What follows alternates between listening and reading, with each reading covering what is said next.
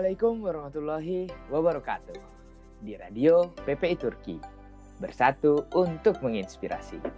Selamat pagi, siang, sore, dan selamat malam buat para sumiter sekalian di mana pun kalian berada.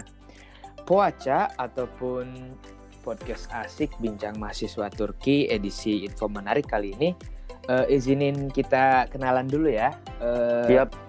Oke, gue Dirham asal dari Sumedang, mahasiswa ilahiyat di Marmara University Istanbul. Silahkan. Nah, gue sendiri, nama gue Ryan Taufik Alwial Haddad, gue asal dari Indonesia dari Jambi, dan gue mahasiswa ilahiyat Zonggudak University. Nah, kebetulan kita nih sama-sama ilahiyat nih jurusannya. Wah, kita ini duo ilahiyat ya, Bener banget nih, duo ilahiyat. bukan duo-duo yang lain ya. Bukan Duo-duo apa itu? Duo-duo macan. Dua macan. Oh, tidak ada. Tidak ada Tidak itu. ada. Tidak ada. Oh, iya. Hmm. Eh, kalau kita mulai pakai ane ente, oke kali ya. Oke Cocok banget, oke banget itu. Karena Cocok ya buat cocok. ane ente itu. Bener banget, beda sama yang lain gitu kan. Jadi Beda ya. kayak agak islami-islami gimana gitu kan. Alim-alim gitu. kayak gitu. Ya amin sih kalau jadi alim beneran ya kan. Ya Allah. Amin.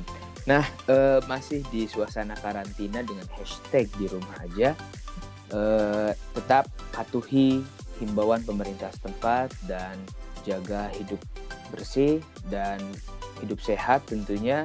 Juga banget. selalu berdoa untuk keamanan kita semua, untuk kesehatan kita semua. Semoga pandemi ini segera berakhir. Amin. Amin, amin. Nah, skuter dirham nih.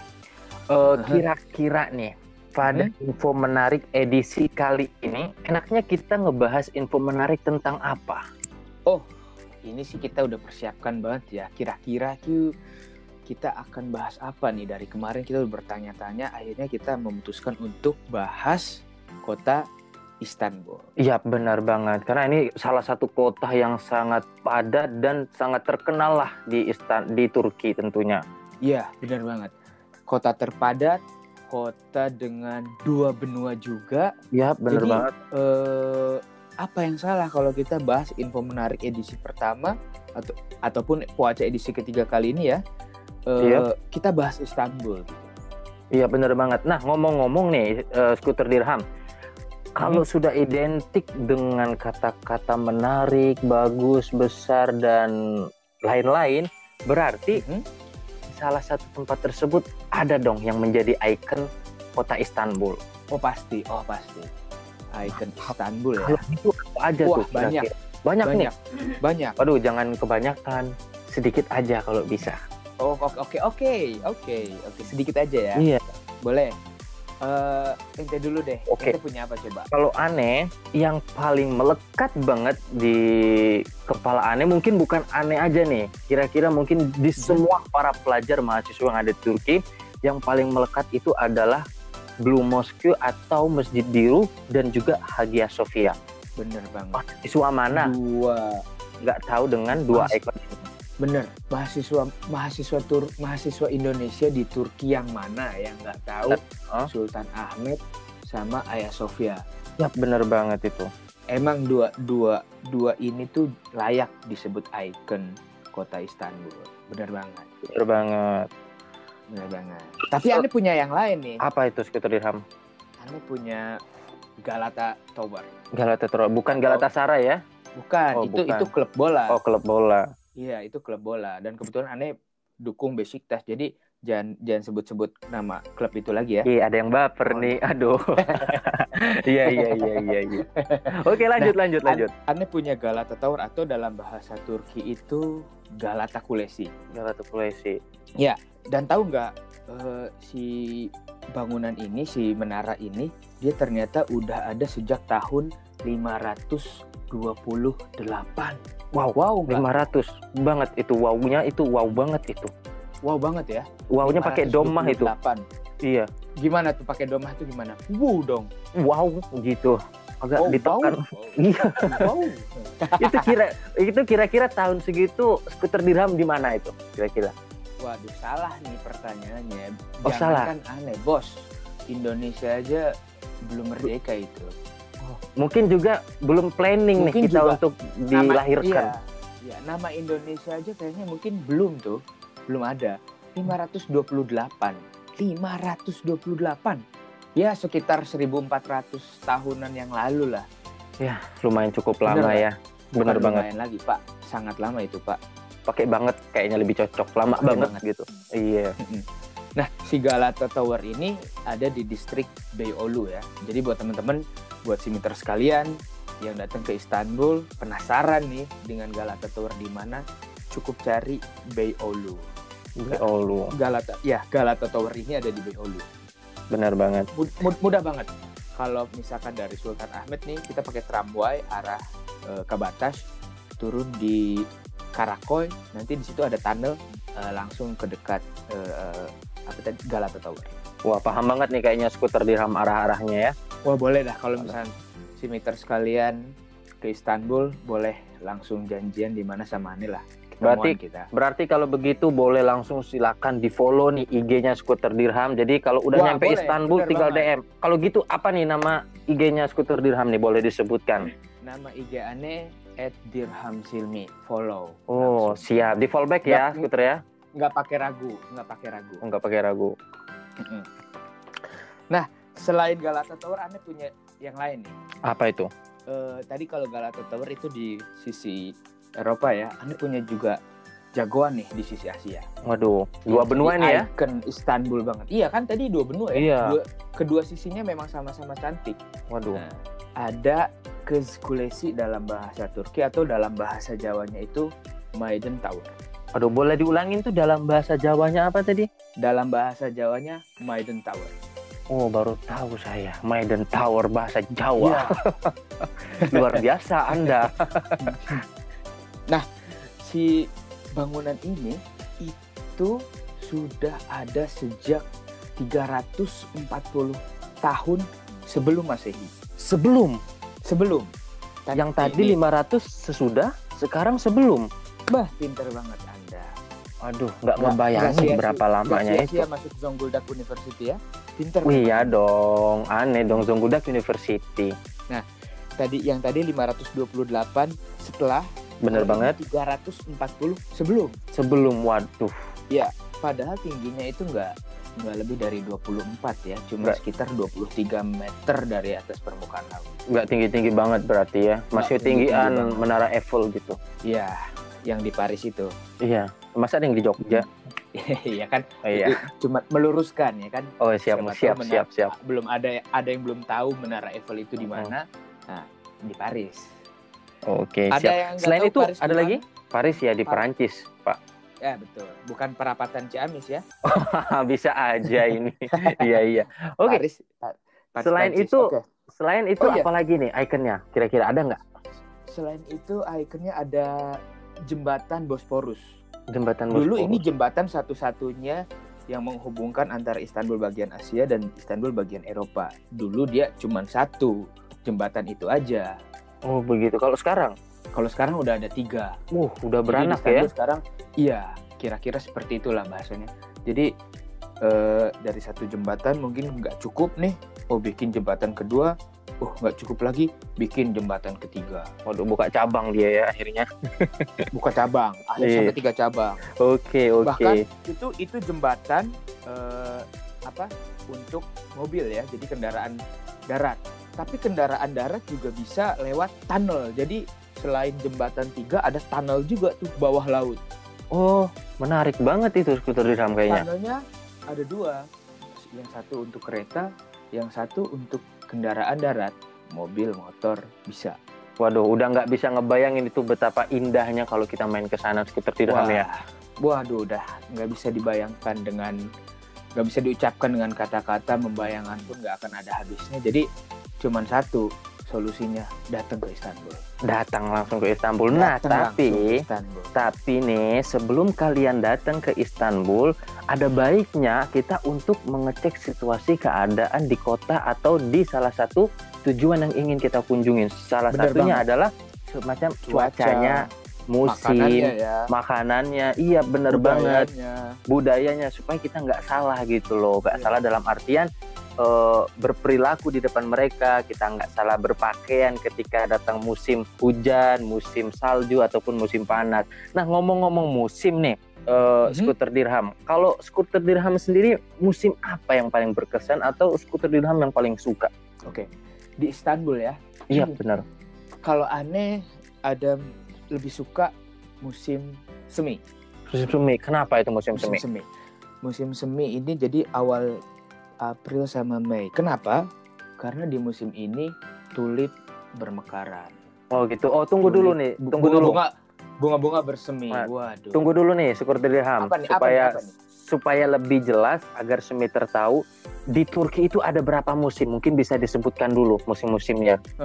Jadi ada musim dingin dimulai dari bulan Desember, Januari, Februari ya, kira-kira. Iya. Kemudian setelah musim dingin ada musim semi di bulan Maret, April sama Mei dilanjutkan dengan tiga bulan berikutnya musim panas dan terakhir ada musim gugur itu Musim gugur. September, Oktober, November berberan lah itu. Mau bulan berber pokoknya ya. Oktober, ya September, Oktober, November Oke, Itu lanjut ke topik gugur. yang tadi nih, yang bunga-bunga itu tadi. bunga tulip. Nah Siap. biasanya bunga tulip ini bermekar di bulan April. Bulan April. bahkan nih ya bahkan di bulan ini tuh banyak banget festival. Salah satunya adalah eh, festi- festival karpet tulip di komplek Sultan Ahmed. Jadi ikon Istanbul ditambah dengan bulan eh, apa di- ditambah dengan musim semi di bulan April bermekaran tulip itu udah kombinasi paling pas banget untuk siniter sekalian jalan-jalan di Istanbul Tapi sayang banget karena berhubung kita Ya. di bulan ini sedang ditimpa dengan musibah yang sangat luar biasa, luar biasa yang hingga melumpuhkan seluruh dunia hingga akhirnya kita tidak bisa menikmati kecantikan Ya. bunga tulip itu tadi, tidak bisa melihat festival karpet tulip tadi. Mungkin insya Allah nih di tahun ke depannya kita bisa sama-sama untuk menyaksikan keindahan tersebut ya skuter dirham ya. Betul banget. Tapi ya kita juga ada hikmahnya ya dengan kita di karantina di Benar ini. Jadi bumi sedikit beristirahat lah Iya benar banget. gitu. Polusi udara berkurang gitu kan dan lain sebagainya. Oke, sel- Aneh udah iya. ya kan? Musim semi. Kalau ente skuter Ryan punya apa nih? Di musim apa ataupun momen apa yang pas untuk ngunjungin Istanbul? Nah, kalau Ane sendiri nih ya, skuter dirham, Ane itu lebih suka ketika musim gugur. Wah itu ya yang tadi musim berberan Iya, itu musim ya. berber itu Ane suka banget tuh. Gimana tuh? Ada apa memang? Karena, Suka apa Anda dengan musim gugur? nah supaya buat skuter dirham ketahui dan Simiters juga ketahui, kenapa nih Ane suka dengan musim gugur? Itu karena menurut Ane sendiri, hawanya itu sangat cocok bagi aneh juga mungkin cocok buat para simeter sekalian karena lagi hawanya itu tidak terlalu dingin dan tidak terlalu panas jadi sangat cocok buat kita orang-orang Indonesia tentunya untuk ber- mulai beradaptasi di negara orang nah walaupun eh, di musim gugur ini hawanya enak tidak menutupi di musim panas dan musim dingin kita tidak bisa berlibur itu malah bisa sebenarnya skuter dirham Oh, gimana tuh? Nah, yang pas Ada tips ada ada ada tipsnya. Yang pastinya kalian harus memperhatikan pakaiannya. Ketika musim dingin tiba, gunakanlah pakaian sesuai dengan musim dingin. Pakai jaket, sarung tangan, shawl, pakai kupluk, sepatu, sepatu boots, boot, ya. kaos kaki, celana tebal. Jangan nanti ketika musim dingin tiba malah pakai kaos. Kan kaos digunakan untuk ketika musim panas gitu dirham. Musim Biar enggak. Jadi kalau musim panas cukup Oh kaosan enggak aja. dong, pakai celana dong. Harus diluruskan ini. Wah, iya. Nggak bisa nih. Ya bener Iya. juga ya. Kaos, kaos sama celana. Iya dong, ya. kalau nggak pakai celana gimana? Nggak boleh, nggak boleh. Nanti ditangkap polisi. Tidak Boleh bisa ya. itu. Iya betul. Nanti nanti disangka orang yang kurang waras Iya, bener ya, banget. cuma kaosan aja nggak pakai celana. Waduh, bahaya bahaya. Oke, nah skuter dirham. Tadi kita udah ngomong icon, terus Hmm. kita ngomong wisata, kita ngomong tentang musim. Kayaknya nih, Eh, Gimana nih? deh. Bentar, pasti mau bahas yang lain. iya kan? dong pasti. Nah, kita kita ada sedikit hampir ketinggalan. Apa itu? Ini mumpung belum terlalu Iya. jauh. Jadi di musim gugur ini Iya. tempat di Istanbul yang paling pas untuk menikmati, menikmati musim gugur itu di Ataturk Arboretum salah satunya. Ah, Apa sih At- Ataturk Arboretum apa itu? Ataturk Arboretum itu hutan. Hutan. Iya. Jadi kebayang nggak tuh kita jalan-jalan ke hutan. Nggak dong. Gimana tuh jalan-jalannya? Jadi kan gini ya, kalau kita melihat perbukitan, pegunungan ya di Indonesia biasanya warnanya Iya, Hijau. banget. daun-daunnya itu hijau, wow rindang sekali. Nah, ketika musim gugur, eh, hutan ini berubah warna. Jadi dedaunan itu mulai menguning, memerah, ke ke oranye-oranyean gitulah. Jadi sangat cocok untuk musim gugur bagi kita nih mengunjungi Ataturk Arboretum. Iya, benar banget itu. Pokoknya instagramable banget lah. Instagramable banget ya. musim, Oke. musim gugur ke Arboretum. Terus ngambil foto di sana, post Instagram, udah jamin foto di sana, like-nya banyak. posting di Instagram, jamin like-nya banyak. Oke, berarti ini udah ada skuter dirham nih yang jamin. Iya, jamin. Ini tam jamin ini like-nya tanpa hashtag hashtag ya skuter dirham ya. Oh, nggak perlu. Oh, nggak perlu. Di musim ini ke Ataturk Arboretum foto cekrek ya kan. Upload like-nya banyak. Oke, siap. Dan juga pasti kita bakalan Paham like foto ya? kalian. Ya, like like-nya banyak paham. Paham ya? dong. Paham ya. Banyak itu artinya apa? Lebih dari Tiga atau lebih satu, lebih dari dua. Nah, Iya. dia. Walaupun lima juga nggak apa-apa ya berarti ya. ya it- itu Oh, ya banyak. udah. Lima Mm-mm. banyak. Ya, terserah bapak yang mana Nah, satu enaknya. lagi Apa deh. itu? Ada satu lagi selain Ataturk Arboretum. Apa itu kira-kira? Jadi ada namanya itu adalar. Adalar. Kita ter- terbiasa menyebut itu adalar. Adalar. Nah, Adalar ini gugusan pulau kecil di selatan Istanbul, kira-kira jaraknya eh, 20 km lah dari pusat kota. Jadi kita kalau mau ke sana pakai ferry aja gampang. Kurang lebih perjalanan memakan waktu ya satu jam 30 menit lah. Kenyang dong makan. 15 menit. Ya, aduh, enggak gitu pak. Maksudnya Menghabiskan maksudnya waktu. perjalanan. Ya, menghabiskan. Nah, harus diluruskan itu. Iya. Lanjut.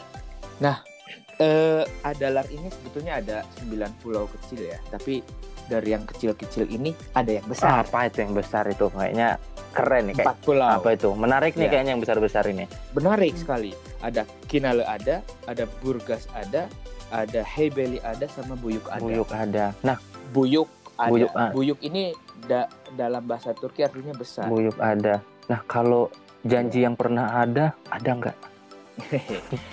aduh, Aduh, aduh. susah ini kak. Ini emang susah kalau lagi belum move on dipaksa bikin podcast ya begini nih Iya, bawaannya. nih. bawaannya seperti ini terus juga banyak banyak odef, Ya. banyak tugas. Jadi pas banget nih Waduh. kalau main ke Buyuk ada ini kayaknya ya ke Istanbul Iya, main ke Buyuk ada. buat ke refreshing. Heybeli ada, ke Burgas ada, ke Kinale. Cocok banget untuk refreshing. Iya, benar banget. Udaranya segar ya kan. Jauh dari hiruk pikuk Istanbul yang identik dengan macet, apalagi itu banyak orang. Nah, melipir sedikit ke Adalar itu akan menemukan sesuatu yang beda. Apa itu yang beda? Masih tetap Istanbul, tapi ya hening gitu kan, nggak terlalu banyak orang. Kita bisa naik sepeda keliling pulau kecil atau eh, apa itu bayar kusir, kita naik andong, dek- dokar ataupun delman Oke, ya. iya, Dalam bahasa. Indonesia ini banyak banget istilahnya. Iya. Nah itu itu enak banget itu. Atau sekedar beli chai, teh ataupun beli kopi kita nongkrong gitu kan, lihat pantai itu udah enak banget di musim Kalau kalau sekedar beli cireng di sana ada nggak kira-kira skuter dirham? Pak kalau mau cireng di Turki Pak mohon maaf Pak Nggak ada pak ya. bikin mungkin bikin goreng di rumah bawa ke Adalat bisa. Nah, Di sana nggak ada yang jual cireng. nah kebetulan banget nih skuter dirham. Tadi kan kita udah ngomong tentang wisata dan berbagai macam. Ah ya. Tiba-tiba tuh saya keingat tentang ini loh, apa kuliner-kuliner gitu loh. Gara-gara cireng. Gara-gara kan cireng lapar. ini loh. Gimana nih kalau masalah Aduh. kalau ini kita bahas kuliner nih, sekarang ini kita angkat nih. Boleh, boleh. Angkat ya. Iya, bener banget. Eh, Turkish food pastinya. Boleh. Eh, Istanbul itu jadi pusatnya makanan Turki. Jadi semua makanan khas yang ada di Turki tumpah ruah ngumpul di satu titik di satu kota di Istanbul. Semuanya ada. Mau dari Ciğer Edirne, mau Iskandar, eh Iskender Bursa, mau mana lagi Mantı Kayseri. Wah, semuanya ngumpul di sini. Kumpul sampai tumpeh-tumpeh ya skuter dirham ya. Mau tumpah-tumpah Waduh. sampai bingung pengen nyobain makanan apa di Istanbul. Nah, Ya kan? Kalau begitu, aneh sedikit mau nanya nih, pengalaman skuter dirham sendiri tentang cita rasa makanan Turki nih ketika pertama kali datang ke Turki itu gimana? Mungkin ada cerita-cerita menarik ini kayaknya. flashback nih. Iya dong. Ente gara-gara ente tahun pertama di sini nanya aneh kayak gitu. Iya kan? dong karena Pasti. aneh udah ngerasain nih kan secara gini loh. Orang-orang kan ngomong katanya eh, Turki ini kan juga terkenal dengan salah satu makanannya yang katanya, yang katanya yang katanya. enak. Nah, yang kata. Nah, tapi tidak tahu yang sebenarnya itu mungkin bisa oke, dijelaskan oke. sedikit Oke. ceritanya. Jadi eh, tahun pertama aneh tinggal di asrama Turki ya. Iya. Jadi belum pindah kayak sekarang di apartemen bareng teman-teman dari Indonesia. Jadi kita mau masak apa aja bebas. Nah di asrama ini kan beda eh, keadaannya, situasinya juga. Jadi kita nggak bisa masak. eh, mau siang, pagi ataupun malam kita makan apa yang eh, koki sediakan. Iya kan? benar banget. begitu pagi bangun pagi mau sarapan lihat zaitin lihat ada telur rebus ada tomat ada mentimun ada selai-selai ada madu ada keju wah saya pikir lumayan nih ya kan ini makanan pembuka Iya iya. Nah, gitu dilihat sampai pojok loh kok nasinya enggak ada Kebiasaan orang Indonesia tuh belum makan Iya. kalau belum makan nasi. kerupuknya tidak Oh ada tidak ada, sambal tidak ada. Akhirnya ya sambal tidak ada akhirnya ya, cobalah itulah makanan kan Iya. masih eh, nafsu makan saya masih masih tinggi tuh akhirnya diambil itu set Set, masukin. masukin. ketemu zaitin warna hitam masukin. Masukin. ada zaitin warna hijau angkat Angkat, ada roti bungkus bungkus. apalagi Apalagi selai strawberry ambil ambil, keju. ada telur terakhir seret, goreng. Oh udah siap. makan. nggak Oh digoreng enggak, udah siap. udah siap Oh makan siap siap. ke meja duduk langsung makan nyobain dulu dong satu zaitin begitu Haps tangkap. hmm, haps Apa nih? wow, Wow. rasanya itu wow Boleh dijelaskan itu? Kira-kira gambarannya seperti apa?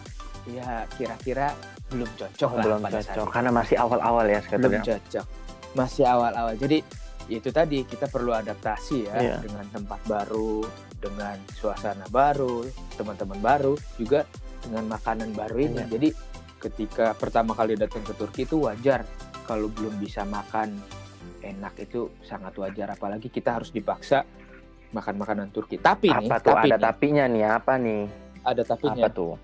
dulu aneh itu ngabisin doner ataupun kebab ya orang Indonesia bilang setengah aja ngabisin setengah aja itu lama banget. Lama banget tuh. Kenapa tuh? lama banget. Karena ya apa ya itu rahangnya itu belum cukup kuat gitu ngabisinnya. Keburu pegel Oh, berarti duluan. nggak tahan lama ya rahang Anda ya? nggak tahan iya. Nggak tahan ngunyah yang keras-keras lama-lama tapi Ada tapinya lagi. dua tahun di sini doner kadang-kadang satu nggak cukup. Waduh. informasi aja. Udah kuat nih rahang kayaknya ya.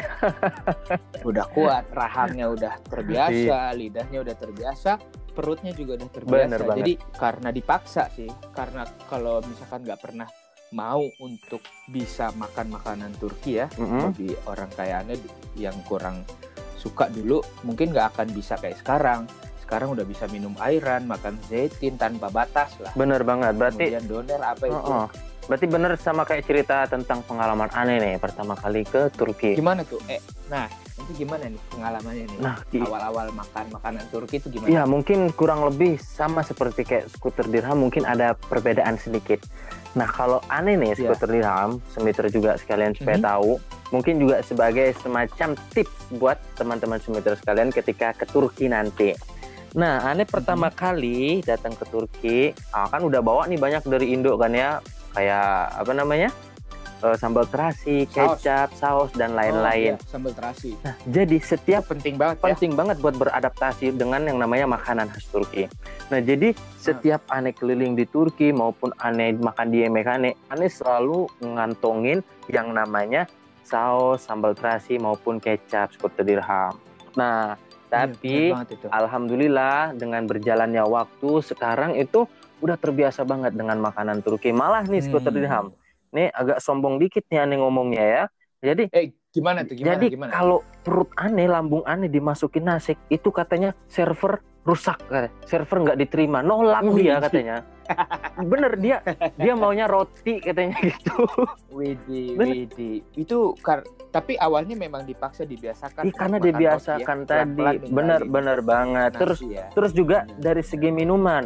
Nah, jadi awalnya nggak bisa minuman Turki, akhirnya kelama-lamaan bisa. Sekarang nih, skuter dirham nih ya, sombong lagi nih yang kedua kali nih.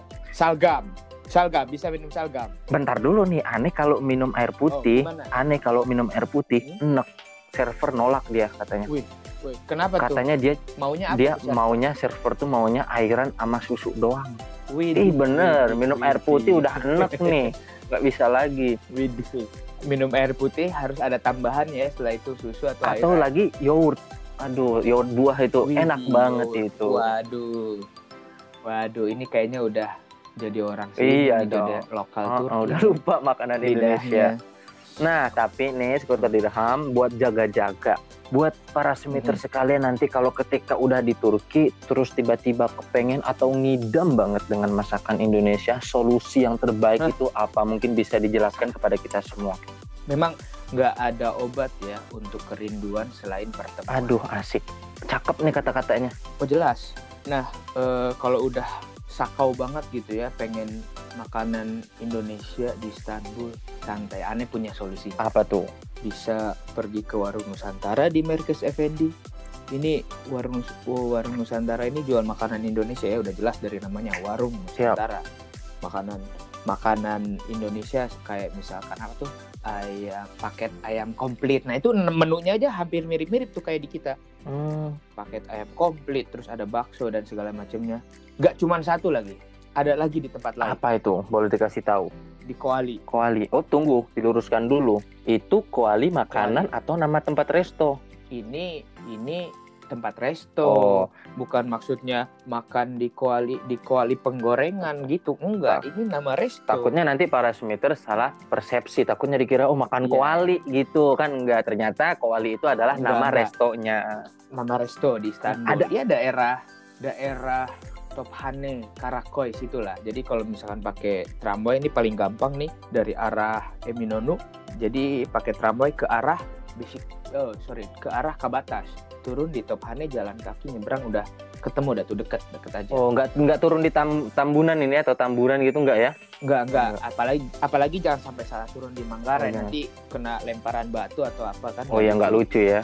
Ntar pulang-pulang benjol ya, enggak lucu. Lanjut, Iya, lanjut. nggak lucu. Lanjut. Eh, ada juga kalau misalkan masih lap, apa masih lapar nih makan di Kuali di Karakoy bisa naik ke atas ke Taksim masih ada juga cuma restoran Indonesia di Apa sana. itu namanya? Mia Resto namanya. Mia Resto.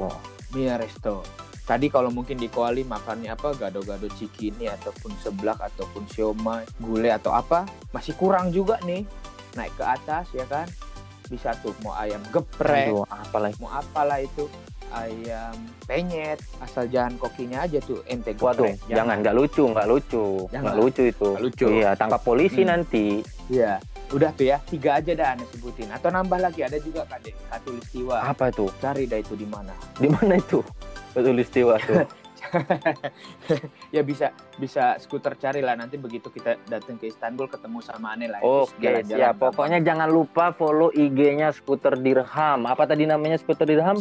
at Dirham Silmi ini diulangi dua dua kali tuh. Oke, dan juga jangan lupa Udah, dong udah. pastinya Jangan sampai Iya, follow juga skuter Raya Iya di dong. Al. Ryan Ryan. Al-Haddad. Iya, masa Skuter Dirham doang? Skuter Ryannya juga dong. Siap. Oke.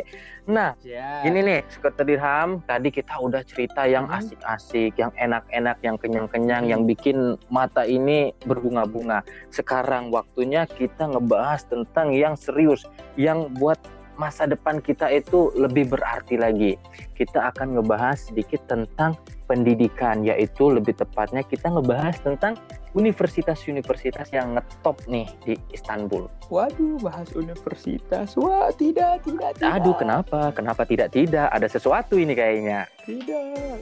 Ah, tidak. Oh, tapi santai aja santai. Eh, saya bukan orang yang eh, anti dengan bahas-bahas pendidikan. Saya akademisi sekali. Waduh, keren banget ini. Eh, Oke ya, eh, ngomong-ngomong tentang universitas, udah jelas lah.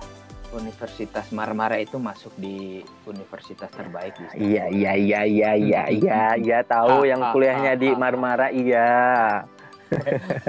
enggak enggak. Oke, itu itu aneh aneh kurang objektif. Oke, Sebetulnya ya, ya oke aja lah. Dia aja lah masuk Marmara. benar-benar. Nah, eh, univ-univ di Istanbul yang masuk best five ataupun top 10-nya university di Turki ya, salah satunya itu Boğaziçi University. Kemudian ada Istanbul Technical University ataupun Istanbul Technical eh Istanbul Teknik University kalau dalam bahasa Jawa. Nah, eh, Istanbul Technical University ini menjadi markasnya mahasiswa Indonesia di Turki yang ngambil jurusan teknik. Wah, rame banget berarti ya. Jadi banyak banget, rame, rame banget anak-anak teknik di Istanbul ngambil di di univ ini. Kemudian ada juga Istanbul University atau dalam bahasa Sundanya itu Istanbul University. Waduh, Sunda banget. Berarti nih, skuter dirham, Sunda berarti banget. Mhm. eh, Istanbul University ini bisa dimasukkan salah satu kategori ikonnya kota Istanbul. Wah bisa banget karena eh, bangunan-bangunan di Istanbul University ini ada salah satu ada sebagian yang memang bangunan bersejarah banget dari zaman Turki Utsmani sehingga banyak mahasiswa Istanbul yang bukan mahasiswa Istanbul University tapi fotonya di gerbang Istanbul University. Waduh, bahaya nih yang kayak gini-gini nih, bahaya nih. Cuma numpang foto doang nih.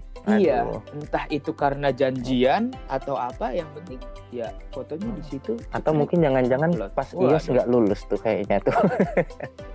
Waduh, Waduh, waduh. Jangan bahas-bahas luka Iya, lama, oh, ada yang ter ada yang pernah tersakiti nih kayaknya ini. Ya, Iya, itulah. namanya juga gitu. Oke, lanjut lanjut lagi. Ada Coach University, ada Sabanjo University ini dua universitas swasta yang memang sangat powerful juga. Kemudian ada Marmara, ya, ini disebut nih. Jadi setelah sekian universitas sebelum Marmara, nah itu dah nyampe Marmara University. Oke. Kira-kira ada lagi? Nah, ada ada ada lagi ada Apa lagi, itu? Dai. Masih ada dua, kurang lebih ada dua lagi yang mau aneh Ah, silahkan. Ini ada univ namanya agak panjang. Istanbul Sabahatin Zain University. Atau yang biasa kita sebut dengan IZU. IZU. Kenapa tuh? Ada apa tuh di situ? Ini kampus ini kampus lagi naik daun banget ini. Waduh. Jadi hampir setengah populasi mahasiswa Indonesia di Istanbul ini kampusnya di IZU. Nah, berarti perbandingannya itu mungkin skuter dirham bisa kasih apa gambaran kita Nah, tuh gimana itu? Perbandingannya kalau kalau misalkan ada 100 mahasiswa ya Hmm, di Istanbul, mungkin 40 orangnya itu di IZU Iya, kuliahnya. terus Sisanya 60-nya nyebar. nyebar di tempat lain. Oh, berarti banyak banget Iya. ya. Banyak, banyak, banyak. Lagi naik daun lah. Nah, ada satu Apa lagi itu? nih. Ini eh, Fatih Sultan Mehmet Wakaf University. Biasanya buat teman-teman yang datang ke ke semiter sekalian yang datang ke Istanbul terus eh, daftar Tomer. Nah, daftar Tomernya itu di univ ini. di Fatih Sultan Mehmet Wakaf University ini. Terkenal banget berarti itu ya. Nggak cuma terkenal dengan ya, nggak cuma terkenal dengan tomernya kok dia banyak juga eh, fakultas-fakultas yang bagus-bagus. Salah satunya fakultas eh, sastra Turki ataupun fakultas Islamic Studies-nya oke juga nih di Univ. Oke, benar banget. Kira-kira ada lagi nggak nih? Eh, cukup sekian kalau dari Kalau ini. mungkin ente ada info tambahan. Oke, kalau info tambahannya nih sebelum podcast ini berakhir, Anda ingin memberikan sedikit Hmm. informasi buat para semiter sekalian tentang populasi WNI Indonesia di Turki. Jadi jangan Oh ya WNI. benar banget. Jadi jangan hanya mengetahui tentang keindahannya dengan ini ini. Jadi kalian juga harus tahu berapa sih supaya nanti ketika para semiter sekalian datang ke Turki tidak merasa kesepian dan kesendirian karena kita di sini mempunyai KBRI yang menjadi salah satu oh, pengganti orang tua kita gitu loh skuter dirham. Ya, betul sekali. Selain jadi perwakilan pemerintah Indonesia di Turki juga, eh, kita punya kedutaan besar Republik Indonesia di Ankara dan konsulat jenderal Republik Indonesia di Istanbul ya. Jadi ada KBRI, ada KJRI. Iya. Mereka selain jadi perwakilan pemerintah, kita juga jadi orang tua lah ibaratnya buat Ya, benar banget. yang ngebimbing kita. Ya benar banget. Untuk populasi sendiri WNI di Turki itu ada sekitar menurut berita terupdate itu ada sekitar 4.000 WNI. Baik itu tergolong dari mahasiswa, pekerja maupun gelin Ataupun wanita Indonesia yang menikah dengan orang Turki skuter dirham. hmm, hmm, hmm. 4000 Iya ya. 4.000 kurang kurang, lebih. lebih banyak banget lah. Lumayan juga, lumayan bang, lumayan banyak ya. Iya. Tersebar di seluruh kota. Benar, seluruh kota juga nanti eh, satu lagi mungkin informasi buat para semiter sekalian ketika kalian datang ke Turki atau kalian berkunjung atau mendapatkan rezeki berkuliah di Turki, jangan lupa untuk mendaftarkan diri ke KBRI. Oh iya, lapor Bener. diri ya. Lapor diri. Jadi ke, Lapor diri ke KBRI atau ke KJRI. benar fungsinya itu Jangan lupa, Ini apa? krusial banget Eh, ya. fungsinya itu untuk ketika kita ada keluhan atau pengaduan tuh kita enak ngelapornya. Jadi nggak perlu ngelaluin Kalau prosedur-prosedur. kita ada apa-apa lah Eh, istilahnya. benar. Nanti juga udah dibuka secara Ya, website online-nya tuh skuter dirham untuk pengaduan-pengaduan tersebut. Bisa juga lapor diri online. Bener ya. banget. Nah ngomong-ngomong skuter dirham Bener udah banget, daftar bener belum nih? Waduh, alhamdulillah saya mungkin termasuk yang awal-awal Waduh. untuk lapor Luar diri. biasa patut dicontoh nih skuter dirham ini. Ya Sip. mungkin sampai Oke. di sini dulu bincang-bincang asik seputar info menarik kita. Insya Allah di lain kesempatan kita akan berjumpa lagi dengan info yang lebih menarik pastinya. Ya, pokoknya tetap di Radio PPI Turki ya, Eh, nggak cuma di podcast, tapi kita on air juga ya. Dan terima kasih sekali lagi atas Amin, insya Allah. sekalian. Dan kita tutup dengan wassalamualaikum warahmatullahi wabarakatuh.